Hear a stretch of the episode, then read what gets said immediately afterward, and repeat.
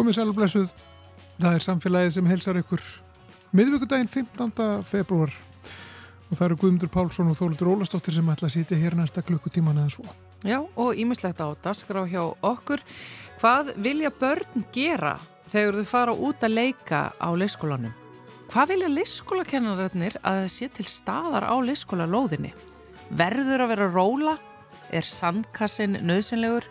Til hvers eru þessir hólar? Má vera drullusvæði? Og þarf þessi rosalegu leiktæki út um allt? Við ætlum hér eftir að ræða við Karin Linda Árnádóttur sem er með BS í landslagsarkitektur og rannsakaði hönnun liskólalóða og hvaða hlutar liskólalóðana eru vinsalastir og mikilvægastir og hvers vegna. Við heimsækjum Þjóðskjálasafn Íslands í þetta dagsins og kynum okkur starfið þar. Komumst meðal annars því hvað er elst í því góða safni. Hrefna Róberstóttir Þjóðskjálavörður tekur á mót okkur í Þjóðskjálasafni Íslands.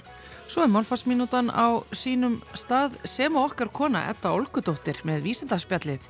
Hún ætlar að ræða við okkur um föstur og rannsóknur og þeim, eflust eitt og annað áhugavert þar á ferðinni en uh, við skulum fara út að leika.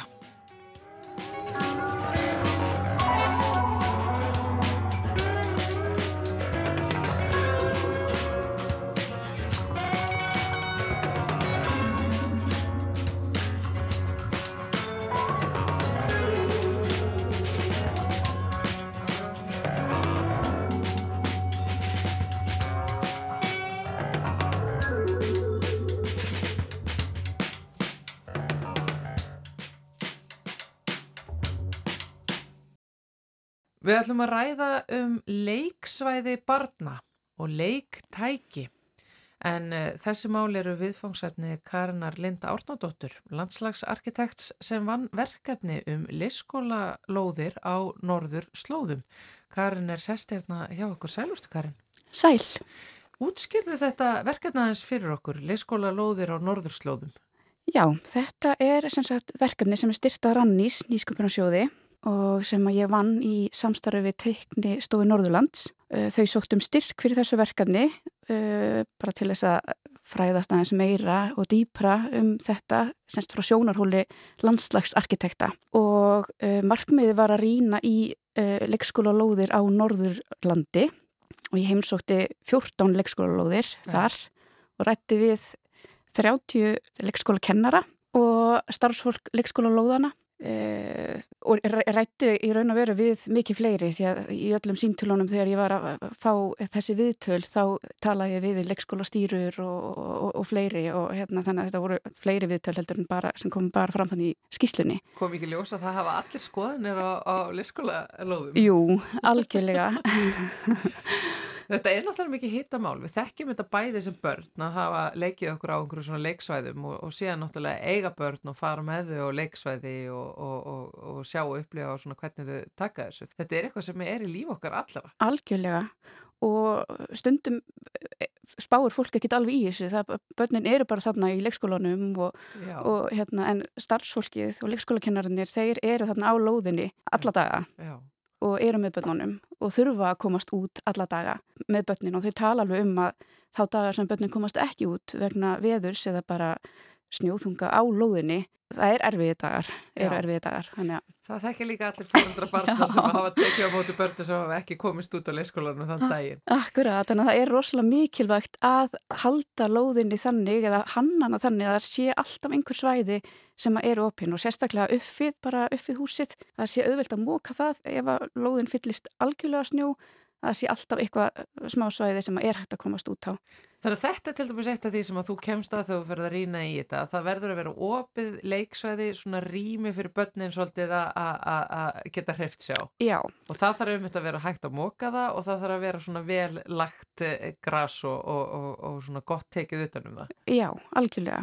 Og við erum vantarlega þá líka eitthvað svona sem er lesið inn í þannig? Já, það, og það er mjög misjamt og á þessum leikskólalóðum. Ég lagði upp með að skoða ólíkar lóðir, bæði sem eru inn í landi og sjó og, og bara með ólíku veðufari. Já. Og, og sumar hreinlega bara algjörlega fyllast og einnilóðinni þurfa börnin að fara út á bílastæðið að leika sér.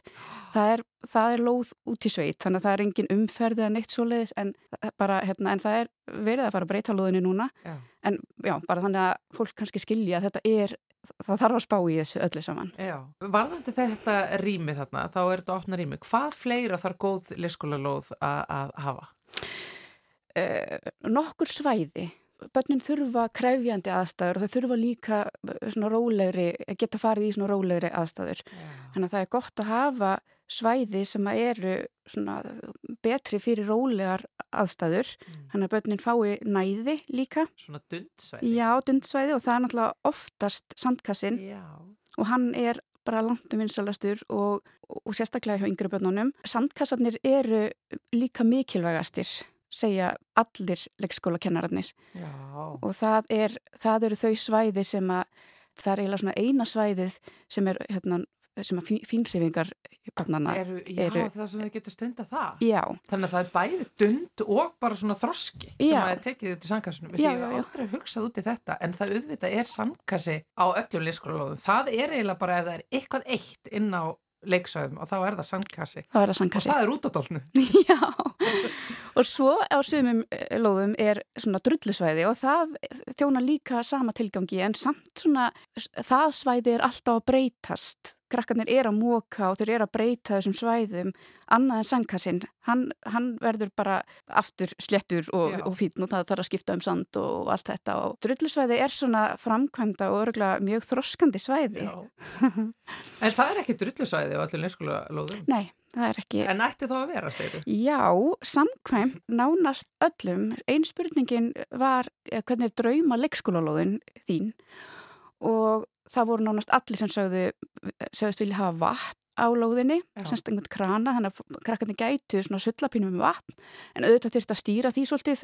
Það er kannski ekki að hafa það í gangi alla, allan daginn og allan ásins ring og svo drullusvæði líka. Og, og þar myndast bara einhver, einhver öðruvísi leikur. Þau eru, þau eru þar bara í sínum heimi að hérna, skapa og, og, og búa til Aftur eitthvað sem ég held að allir fóreldrar að leskólabarna þekkja að glöðustu börnin sem þú nærði að leskólanum eru þau sem eru grút skítugu fyrir haus eftir eitthvað drullumall sko.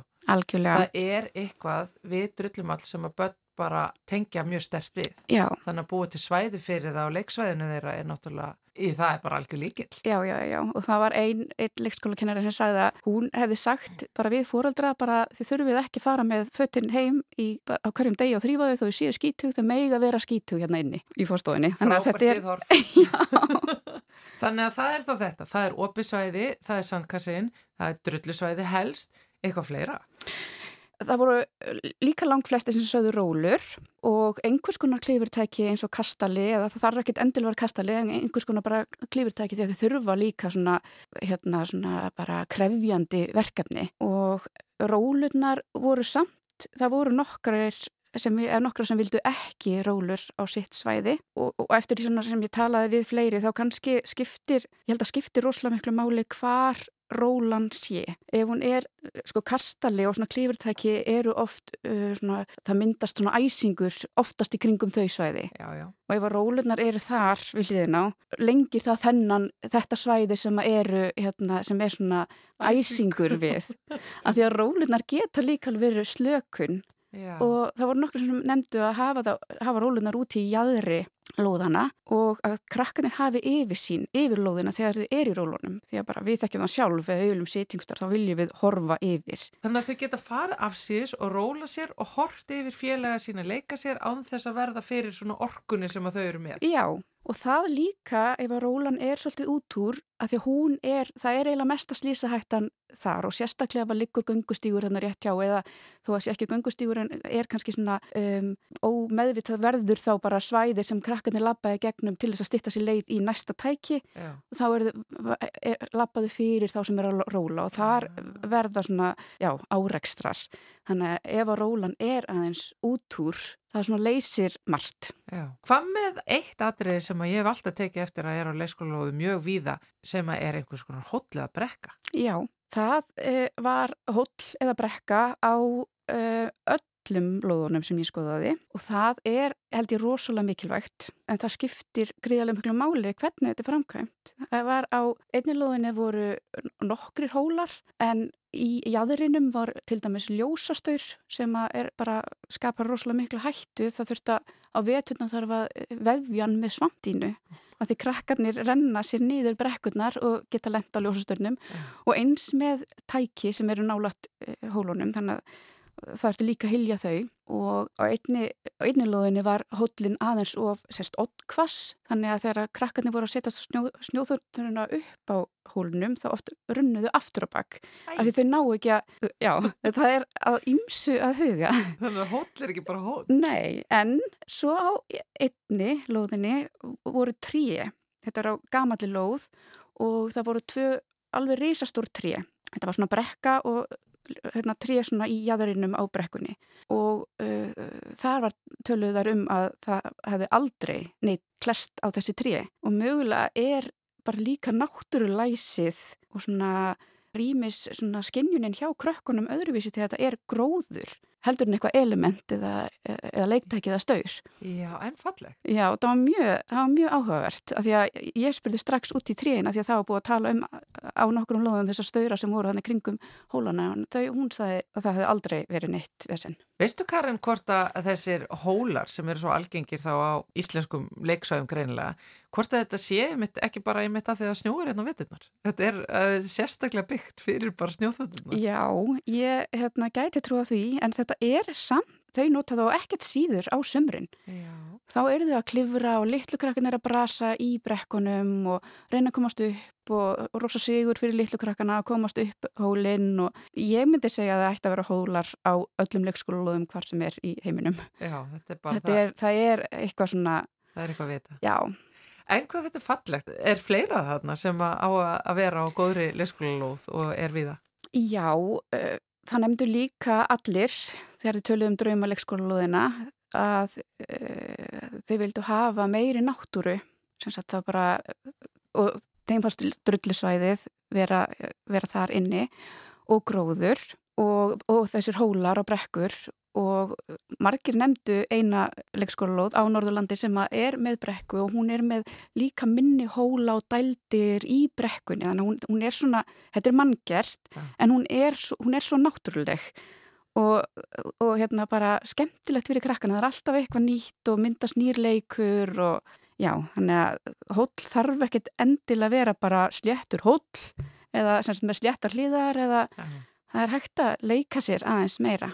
Þannig ertu búin að draga þá upp mynd af næstu því fullkomni eh, leyskólalóð eh, en það eru náttúrulega ekki alla leyskólalóðir þannig eh, af því að það hefur kannski því miður oft vantað svolítið hugsun og, og pælingar inni þegar verða að hanna þessar leyskólalóðir. Já, það náttúrulega eru stífa reglur um hvaða tæki mega vera lóðinni og það er að taka þetta út og þetta er, þetta er rosa mikið regluverk í kringum þetta. Þannig að það er erfitt oft að uh, koma einhver öðru á lóðina Já.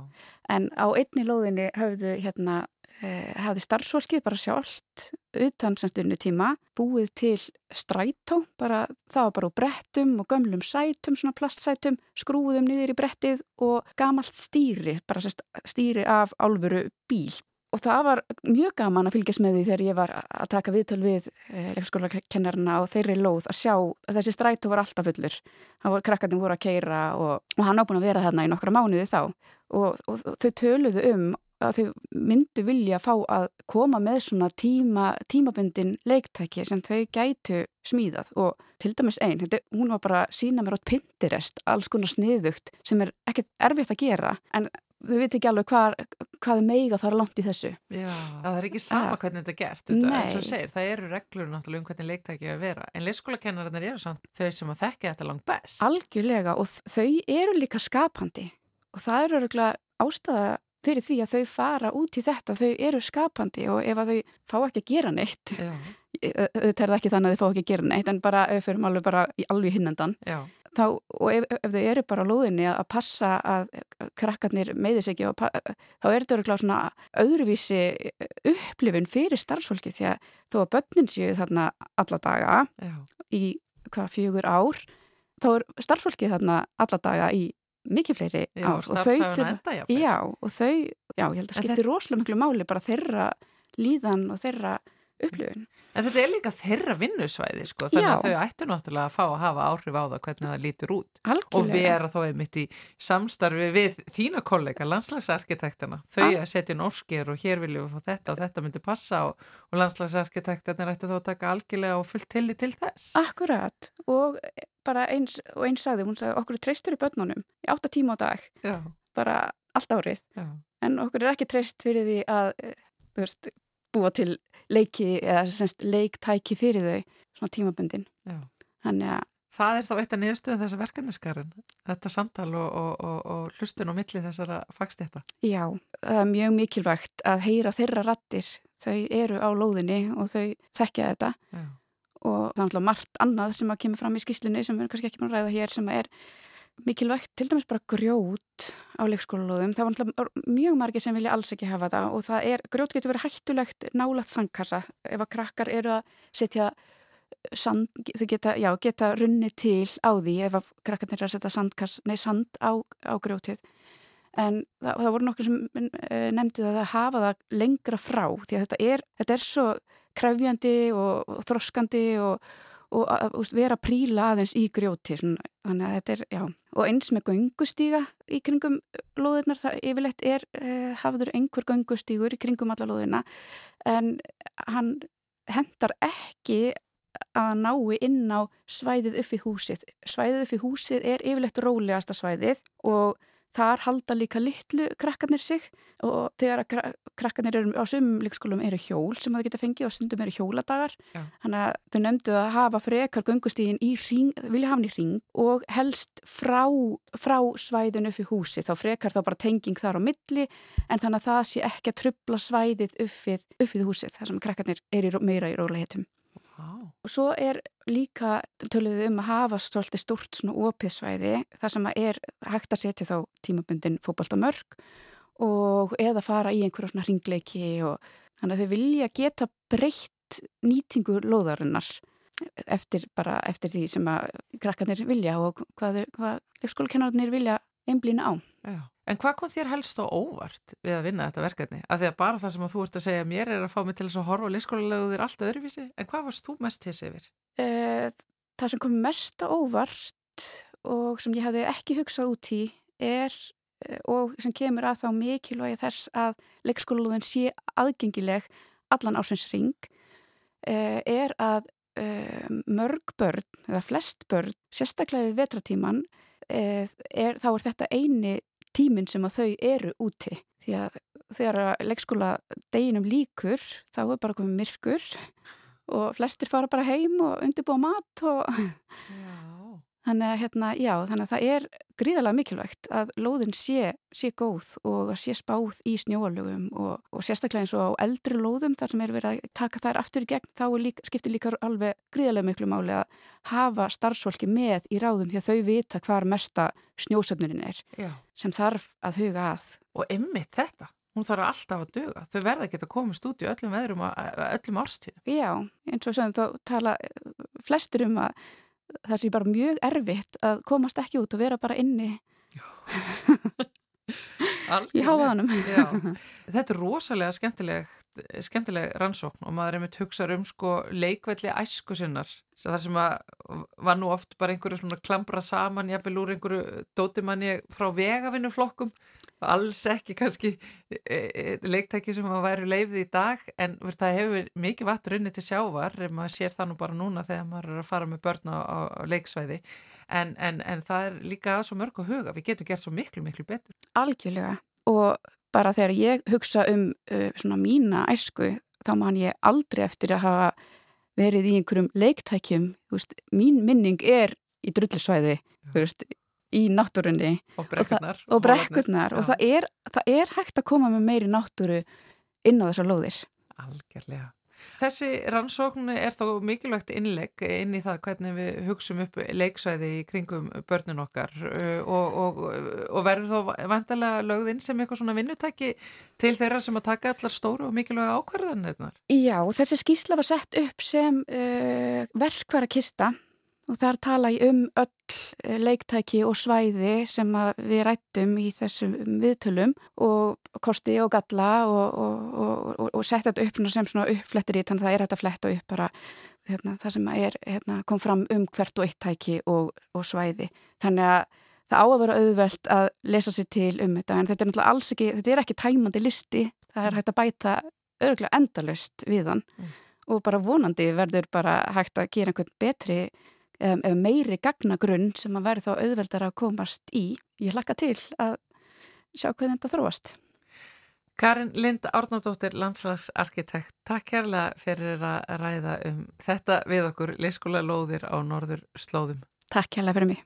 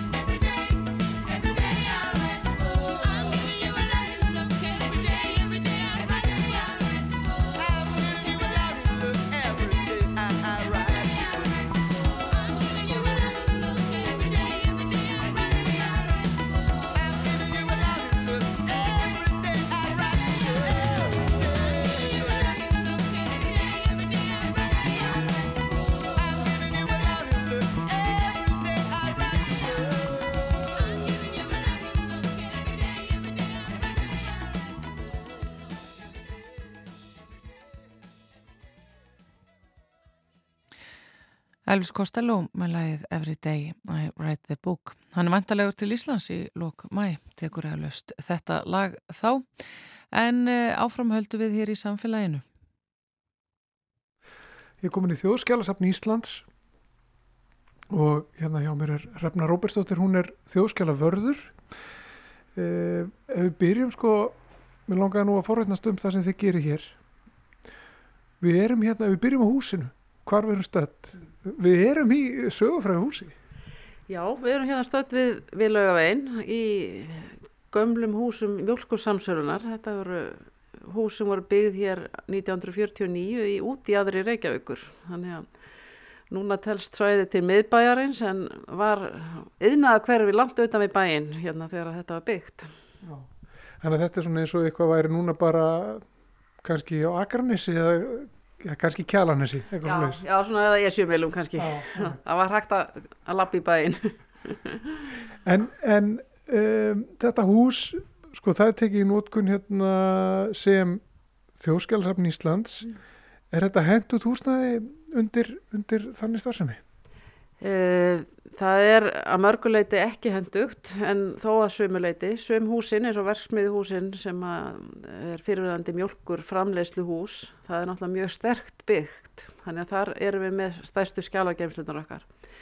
En svona sem skrifstofuhúsnaði og aðstafa að öðru leiti þá eh, svona uppfyllir þetta ekki nútíma kröfur. Og þannig að það er en, en þjóðskjálasafn eh, var á 1909 þá þegar safnahúsi við hverjusgötu var byggt að þá var það í sér hönnuðu skjálasaps og bókasapshúsnæði en það húsnæði fylltist þannig að, að og stofnarnir voru aðskildar í önnur, önnur húsnæði. En, en það er svona búið að vera undanfarin tvö ár verið að vinna að framtíða sín fyrir húsnæðismál þjóðskjálasaps þannig að það er svona verið að sjá fyrir sér aðra staðsetningu en hér Núna, sko, þú segir, talar um pláss, sko, hérna, það hefði, það hefði klárast plássið.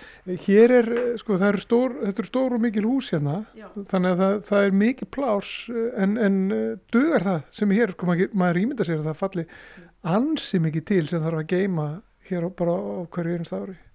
Jú, jú, Eh, það er svona styttist í að við, það fyllast núverandi skjálagemslur og þess vegna er verið að vinna að svona framtíðar, hug, hugmyndum en framtíðarlausn.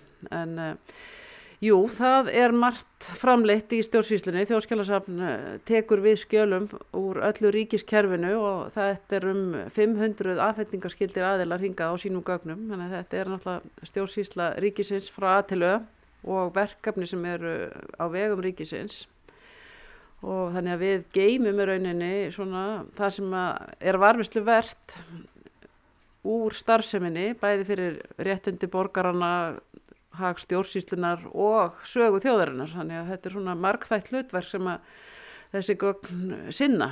Og en það sem er samt stóra málið núna í samtímanum er í rauninni stafræn eh, stjórnsýsla og að hætta að framleiða svona mikið pappir eins og 20. öldin gerði og í rauninni kannski hefur verið gert upphafs árum þessar aldar. Þannig að okkar markmið er það að, tak, að stopnarnir skili meira inn rafrænum gögnum og uh, pappirskjöl verði ekki varfitt nema í undantekningatilfellum úr samtímanum. En hvernig er metið, sko, það sem að það sem að er þess fyrir það geima vegna þess að maður ímynda sér að það getur líka verið bara eitthvað litlu hluti, það getur skipt líka mjög miklu máli. Jú, jú, jú, þetta er eilíf þetta er eilíða spurning en hún svona laustinnar koma fram í samtali þjóðskilasaps og stopnunarinnar stopnarnir þær setja sér skjálavistan og áallanir og það er metið hvaða gögnir hérna hafa tímabundi gildi hvaða gögn uh, hafa langtímagildi, sumir skjálaflokkar eru alltaf geimdir, uh, aðrir ekki, uh, þannig að það er svona, það þarf að hafa svona skynsalegt val í þessu og að tryggja það að mikilvægi hlutir varvitist. Þannig að stofnanir með ekki eigða gögnum án leifis, þannig að það sækju um það hingað og við úrskurðum um það og síðan er svona samtal við stofnanir eða stofnanaflokka, það er kannski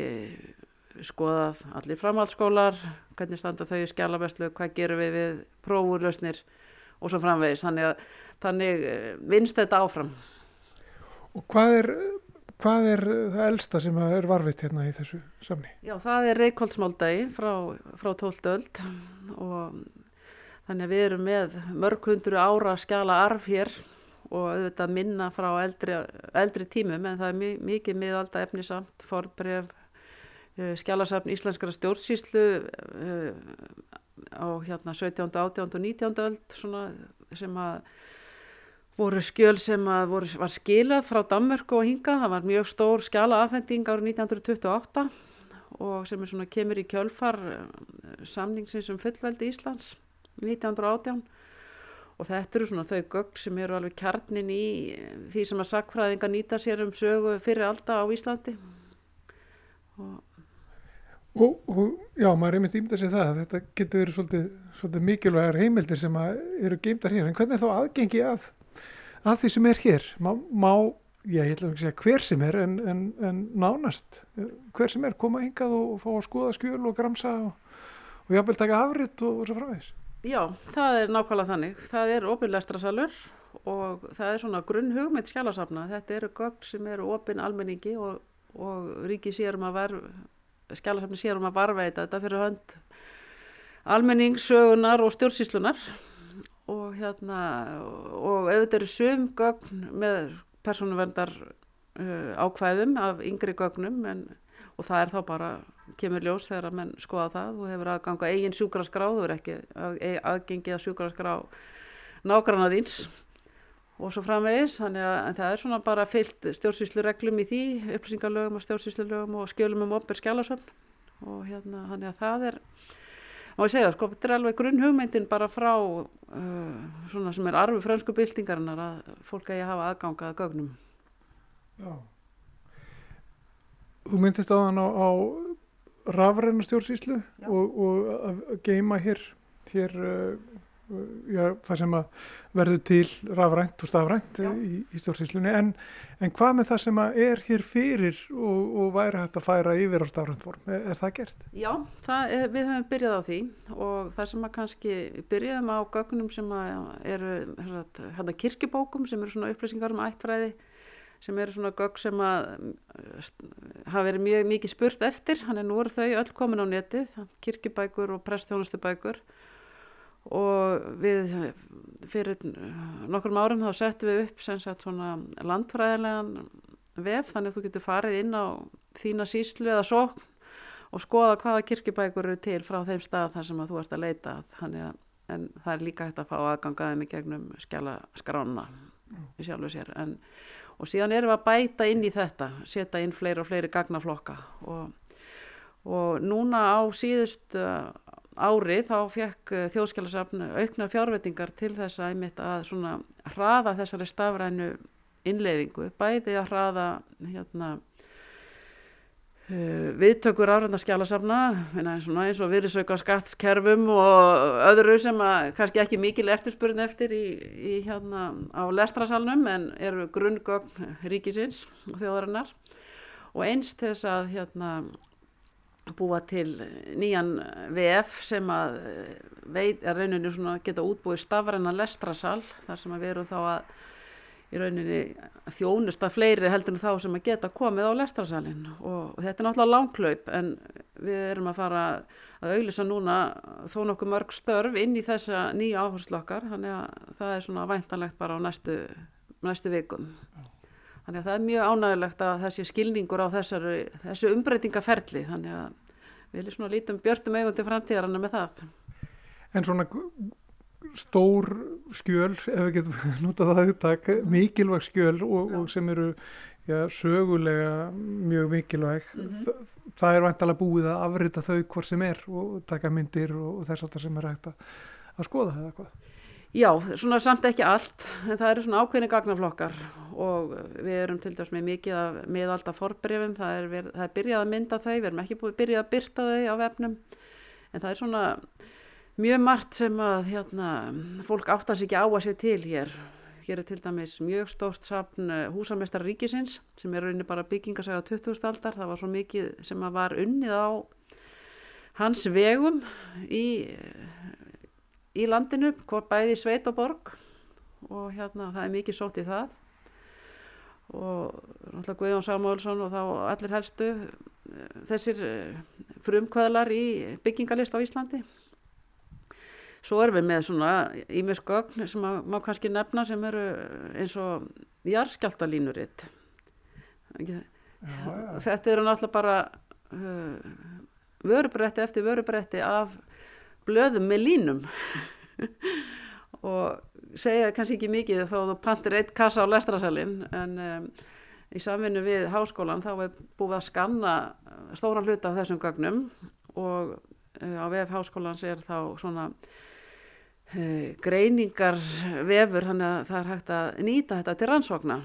Og og þetta er rauninni gríðarlega áhugavert. Þú getur séð jarskjálta sem var þá á Suðurlandi á einhverjum tíma, hvað var þá að gerast fyrir norðana því að þetta er þá hægt að samtengja þetta. Og þannig erum við að rauninni að auka gildi gagnana með stafræni, stafræni byrtingu eða stafræni notkunn og, og þannig erum við náttúrulega með fjöldan allan að tækifærum eins og við erum núna að ljúka til dæmis uppskriftum á öllum landamerkja brefum fyrir allar jarðir landsins Eh, þau, það voru sett í arðarlög á 19. öld eh, gerð sérstaklega landamærska lýsingar löggildar eh, kringun í 1880 og þetta er þá afmarkar í rauninni allar jarðir og þetta er verið að vinna í samverðin við mannverkjastofnun og þannig að þetta mun þá verða aðgengilegt á netinu fyrir alla þannig að þú átt einhver á jörð og séu hvernig hún var áður og síðan er hægt að leita sér fyrir ekkari heimilda um hvernig það breytist eða hvað var mikið af uh, kálgörðum á þessari jörð og, og svo framvegist. Það eru endalösi möguleikar. Þú síndi mér hérna áðan, sko, þegar við komum hérna inn, það, það, var, það er svona glerkassi hérna frammi þar sem er þar sem eru skjöl, þar sem eru lýsingar á jarðræringum sem eruðu í Mývarsveit. Hvernig er það? Já, það var sem sagt Mývats eldarnir svo kalluðu hérna, sem í lok er svo 1728 og stóði nokkur ár og þetta er frekar sjálfgeft að maður hafi svona nákvæma lýsingar á jarðeldum og áhrifum þeirra líka í samfélaginu en e, þessi gögn hafa varvist vegna þess að þetta eru berjað frá og lýsingar frá kaupmannunum, einokonu kaupmannunum á Húsavík.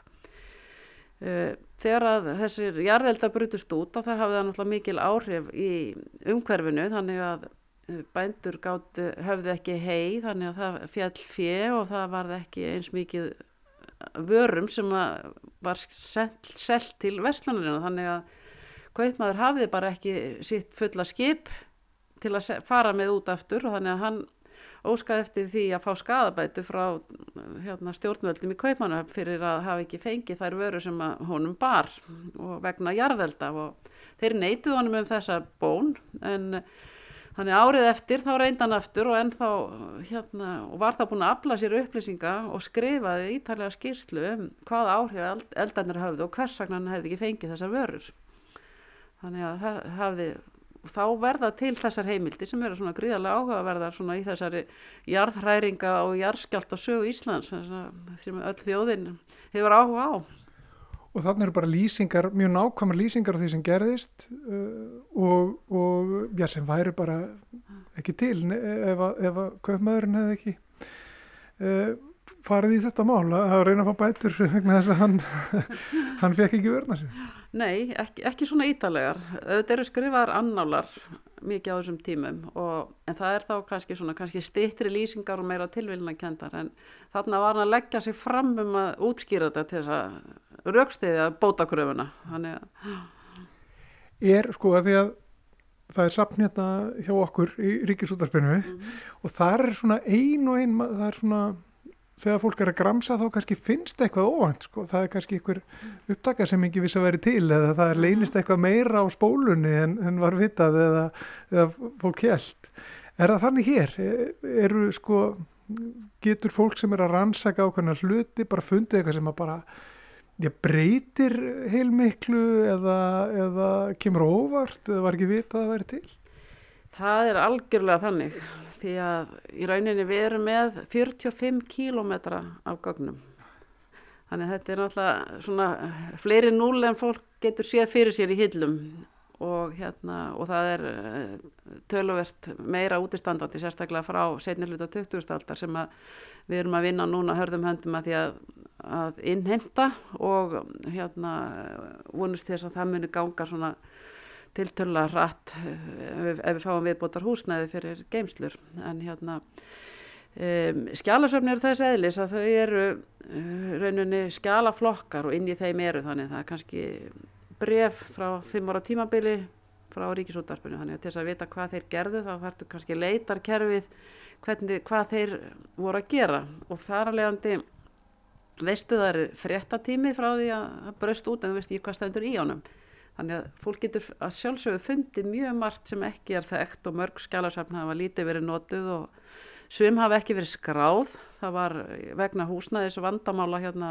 um miða 20. stöld og alveg allt framöndu 1985 þá var ekki tekið við mörgum skjölum um þó nokkuð skeið, þannig að þau komið óskráð en núna er verið að vinna skráningar áttak sem hóst fyrir einu og hálfu ári síðan í að uh, grófskrá stór skjálasafn frá 20. stöld þannig að innan eins tvekja ára þá munum við mun stórlega bætast í þær skjálaskrár sem eru þá aðgengilegar uh, þá það séu þá grófskráðar þannig að þá getur fólk farið að leita Er, er eitthvað persónulegt í, í þessum í þessu skjálasamni? Er eitthvað svona brefaskipti eða eitthvað slíkt sem mætti kannski bara reynlega, já, bara skilgjörna sem, sem persónulega?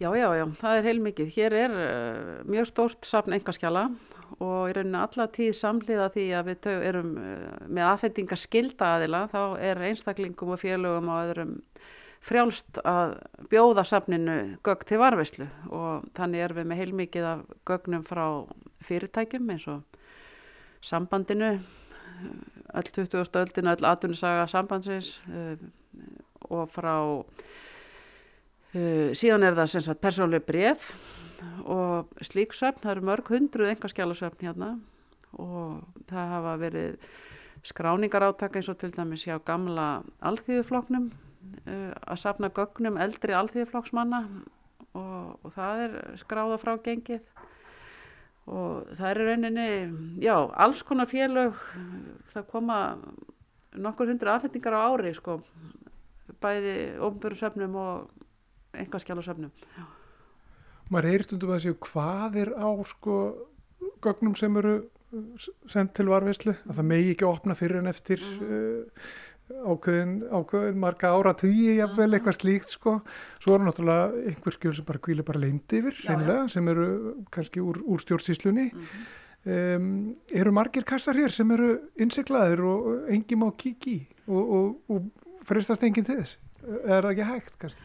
Við erum allan með einn óopnaðan bögul frá 19. öld og það ætlar enginn að opna hann en en uh, það er undantenningatilvikum sem að menn setja svona mjög stífar eh, aðgangskröfur. En hins vegar kemur það alveg fyrir að fólk kannski vil í fyrstu tíu árin að ættingjar hafi fái vittneski ef það er notað eða samtíkiverkefnið eða eitthvað slikt en um, ef þú veist að samt sko við svona uh, það er betra ef það eru ekki mikla aðgangskröfur þess að þetta er þá hugmyndinu með að gefa safn er að varvesla og ef það er engin notkun þá var það kannski minni tilgangu með varveslunni en að sjálfsögðu er öll tilvík skoðu hvert um sig og það getur verið mismöndi ástæður að baki og, og, svona, og, og það er alveg annað sérstaklega regluverk um ofinbergögn og sem er náttúrulega sjálfsögðu alltaf fyllt en það er kannski þessum engaskjálasöfnum sem eru þá meira uh, getur verið matsatriði.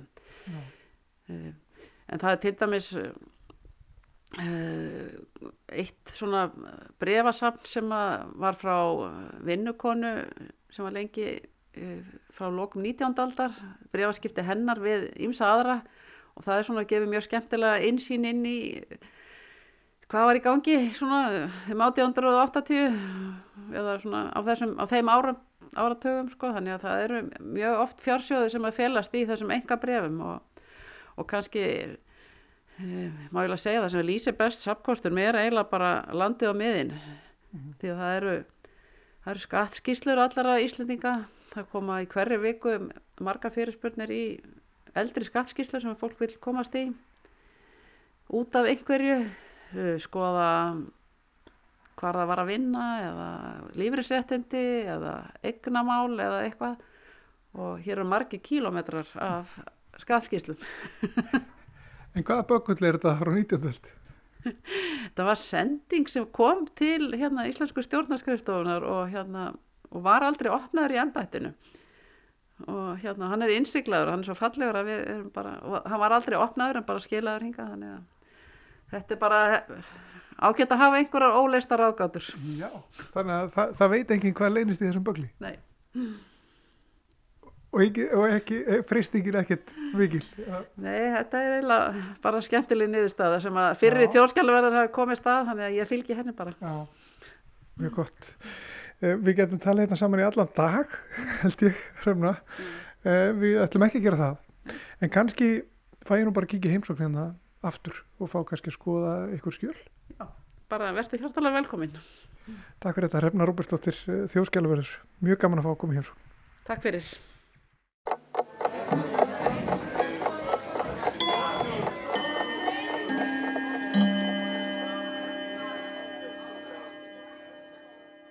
Það hefur verið vinsælt að vitni þau orð Haldur Slagsnes að ekkert orð sé skrýpi eða stendur á réttum stað. Þetta skrifaði Nobelskáldið í grein sem byrtist í tímariti máls og menningar árið 1941. Hann er þar að breyðast við gagnrýni á þýðingu hans á bók Ernest Hemingways, Vopnin kvött. Haldur var ekki allskostar sáttur við nafngreinda menn sem setti út á málfar hans og stafsetningu í rittdómum í blöðum sem hann taldi fremurt pólitíska en málefnilega. En hann vildi fyrir alla muni svara einlegu og hjartarreinu enga brefi frá sveitamanni sem væri ekkert fúll, þótt hann væri kannski dáltið æstur og hefði ekkert auka takmark með skrifum sínum. Honum vildi Lagsnes svara í bróðerni og einlegni.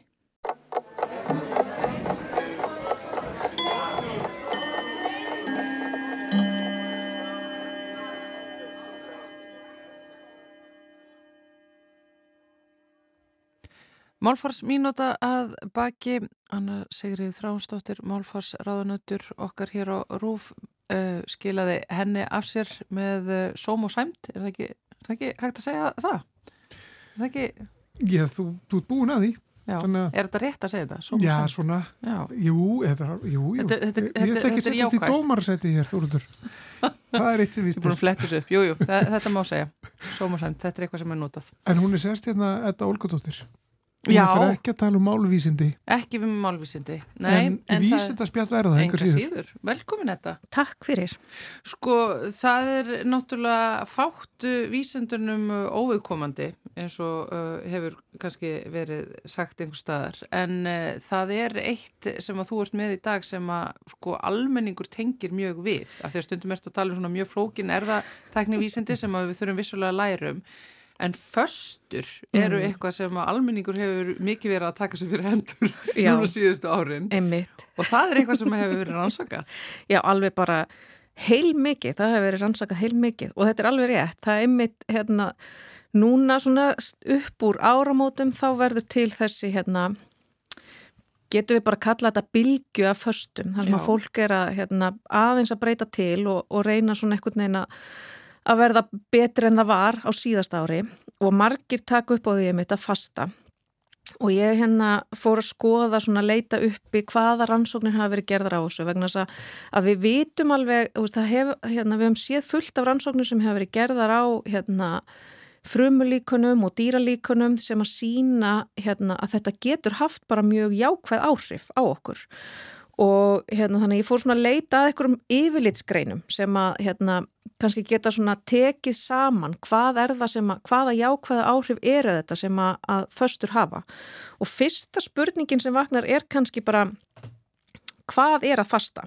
Vegna þess að, að við erum öll með þessa hugmynd sko sem að þessa samfélagslegu hugmynd af því við erum að fylgja einhverjum svona leiðbenningum eins og það sem að fólk fastar í ákveð marga klukkutíma á dag kannski leifir sér að borða sko frá hádegi og til átt á kvöldin en svo á milli þess að þá er alveg fasta og það þýðir kannski raun og veru bara að sleppa morgunmatt Mm. og þá er þetta fasta þannig í 16 klukkutíma svo eru aðri sem að, fasta kannski lengri klukkutíma, nei lengri tíma yfir daginn segi ég, eða bara eða í heila daga, borða kannski annarkveð dag en ekki þann næsta og svo er líka það sem að hérna var mjög vinsælt fyrir bara nokkrum árum sem er 5-2 Já, já. og þar sem að þú borðar, er það ekki rétt hjá mér að þá hérna borðaru sko takmarkaða kaloríum Undir 500 kaloríum sem sagt uh, tvo dagi viku held ég. einmitt og svo hína dagana þá er- borðaru bara Eins og hérna, eins og venjulega já.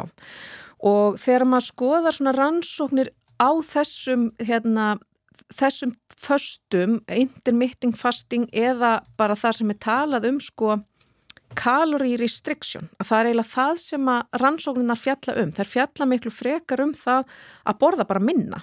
Ekkert endilega á hvað tímum það er heldur og, og hérna þegar að ef við erum að skoða svona yfirleitsgreinar að þá er hérna inn í því hólfi að borða minna. Alveg sama hvort að það er gert með því að takmarka tíman sem þú ert að borða eða hvort það er bara gert með því að takmarka frambóðið af mat. Af því það er náttúrulega í raun og veru það sem að gerist þegar að fólk er að fasta í 16 klukkutíma á dag og, og leifir sér að borða í 8 klukkutíma að þá hefur bara færri mínútur til að koma þessum kaloríum inn í líkamann og þess vegna verða þetta færri kaloríur. Það er bara þannig. Og rannsóknir sem hafa verið gerðar á hérna, frumu hérna, líkunum til dæmis og dýralíkunum, það er sína að það að fasta eða draga úr kaloríu intöku getur haft mjög jákvæð áhrif á til dæmis vendun telómera. Og telómerar eru hérna e, á íslensku ásakið litningaendar. Þar að segja það sem að hérna, endarnir á litningunum okkar sem að þurfa að vera með svona ákveðin struktúr til þess að litningarnir bara rakn ekki upp eða svo frumann skinnji þá ekki sem e, broti eða broti erðaefni og það, hérna, litning, vendun og litningaendum er mjög mikilvæg upp á öldrun vegna þess að þegar við hverja frumuskiptingu að þá stittast litningaendarnir og þá eldist fruman. Þannig að þegar að litningaendarnir eru orðin svo litlir að fruman getur ekki búið til þessa byggingu þá fer hún í öldrunafasa og svo í stýrðan frumudöða og það er einmitt eitt sem að, að hérna,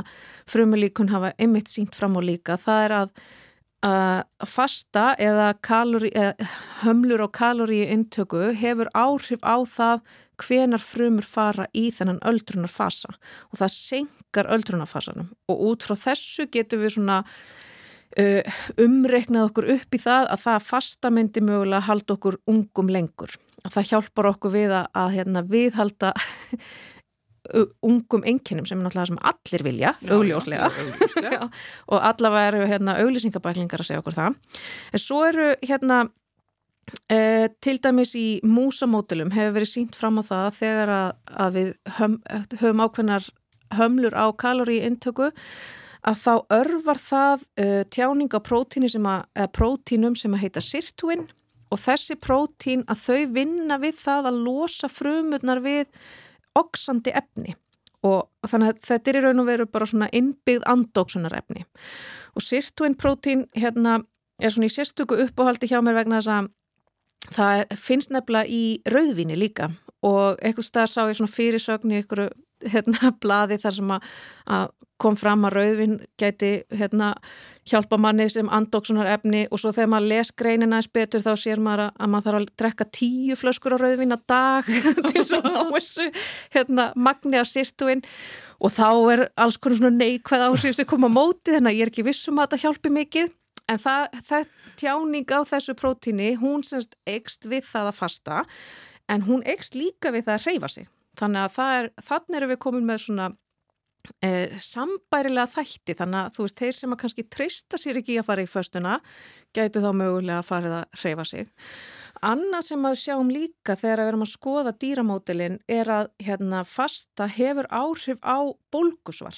Og Já. það virðist hafa áhrif á það hvernig við erum að tjá hérna, gen í ónæmiskerfinu sem að, að hérna, hamla bólgusvari.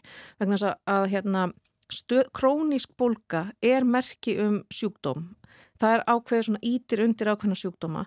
Þannig að þar verðist verið eitthvað svona ójapvægi í ónæmiskerfinu sem að veldur því að við erum að, hérna, íta undir bólkusvar en fastan hún kemur þá á móti og myndi þá svona dempa þessa tjáningu þessum, eða það er að segja auka tjáningu á genum sem að draga úr bólkusvarinu Þannig að það er jákvægt og, hérna, og þannig getur hérna, fasta dreyið úr króniskum bólgum. En svo þegar maður fyrir að skoða hérna, rannsóknir sem eru gerðar á fólki uh, og föstu, að þá virðast sko, þá er fókusin rosalega mikið á það hvort að fasta hafi áhrif á það að fólk sé yfirvikt. Og ástæðan fyrir því að við erum að horfa á það og það er verið að rannsaka það er náttúrulega vegna þess að það er mjög sterk fylgni á milli þess að vera í yfirvikt og að fá eitthvað sjúkdóma setna á æfinni. Mm. Það er þarna fylgni og það hérna miða við svona það sem að maður les með föstuna að þá sko getur svo fylgni kannski verið vegna þess að við erum bara með svo mikið ofgnótt af mat. Þannig að það er ekki kannski endilega það, það að vera í yfirvikt sem að ítir undir hérna, myndun sjúkdóma heldur er yfirviktin sko fylgifiskur þess sem að ítir undir sjúkdómana. Það er bara þessi ofgnótt af næringarefnum sem getur ítt undir þá sjúkdómsmyndun og ítir undir offitu. Auðvitað er það samt líka þannig að hérna, fytuvefur er virkur vefur þannig að þetta er ekki alveg klift og skorið og það að vera komin í yfirvikt og vera með hérna, mikinn fytuvef það getur líka í uh, sjálfu sér verið hættulegt fyrir mann og verið að íta undir eitthvað sjúkdómsmyndun til dæmis bólkusvar og eitthvað slíkt en bara þannig að það sé sagt að ástand fyrir að það verið að horfa á hérna hvort þetta hefur áhrif á offitið ekki er af því að þarna er fylgni. Og það, þær rannsóknir sem að ég rakst á sína e, jákvæð áhrif. Og það er náttúrulega eðlilegt í, í ljósi þess sem við vorum að, að tala um áðan að við vorum búin að minga gluggan eða minga kaloríu intöku að þá ætti það að skila sér í því að líkaminn er þá annarkvort að nýta það sem er til eða hefur ekki meiri orku til þess að, hann fær ekki inn meiri orku til þess að, að setja í geimslu.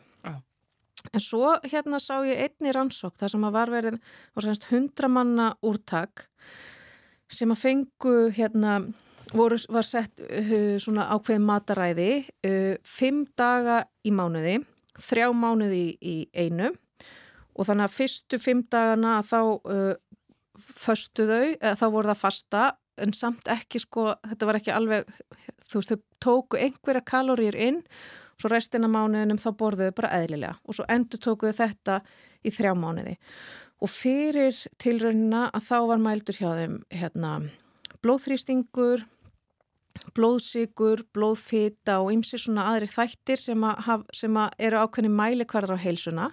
Og eftir eh, tilraunina að þá á samaskapi voru sömu þættir mældir og þetta virtist hafa í ákveð áhrif á helsu og þá sérstaklega hjá þeim sem að voru til dæmis með ofháðan blóðþrýsting að þar varð, varð sko um, lækkuna blóðþrýsting meiri heldur en hjá þeim sem að voru ekki með ofháðan blóðþrýsting. Þannig að þeir sem að voru í útjæðri eða voru fyrir utan viðmiðnamörk á þeim mælikvörðum sem þau voru að skoða að þeir nutu þeir fengu mestan ávinning af því að, að breyta mataræðinu eins og þau gerðu. Já, það er allan eitthvað í þessu sko. Já. En bara, veist, stígum varlega til jarðar kannski, þetta er engin, þetta er engin ofurlust. Þetta er ekki ofurlust sko og svo hef ég líka sér ansóknir þar sem að hérna, ormar voru látnir fasta í lengri tíma og til að byrja með hefur það jákvæða áhrif á bólkusvar en svo eftir ákveðin tíma fer það að hafa neikvæða áhrif og þá erum við náttúrulega bara farin að svelta, sjáu þið. Eða ormarnir. Já, ormarnir. Það getur líka komið fyrir okkur. Já, já, vísið að spjallin loki. Takk fyrir þetta, Edda. Takk fyrir mig. Takk fyrir að vera með mér í þáttunum, uh, Guðmundur Pálsson. Takk að þér, Þóruldur Ólastóttir, og þakka ykkur fyrir að hlusta. Heyrust á morgun. Verðið sæl.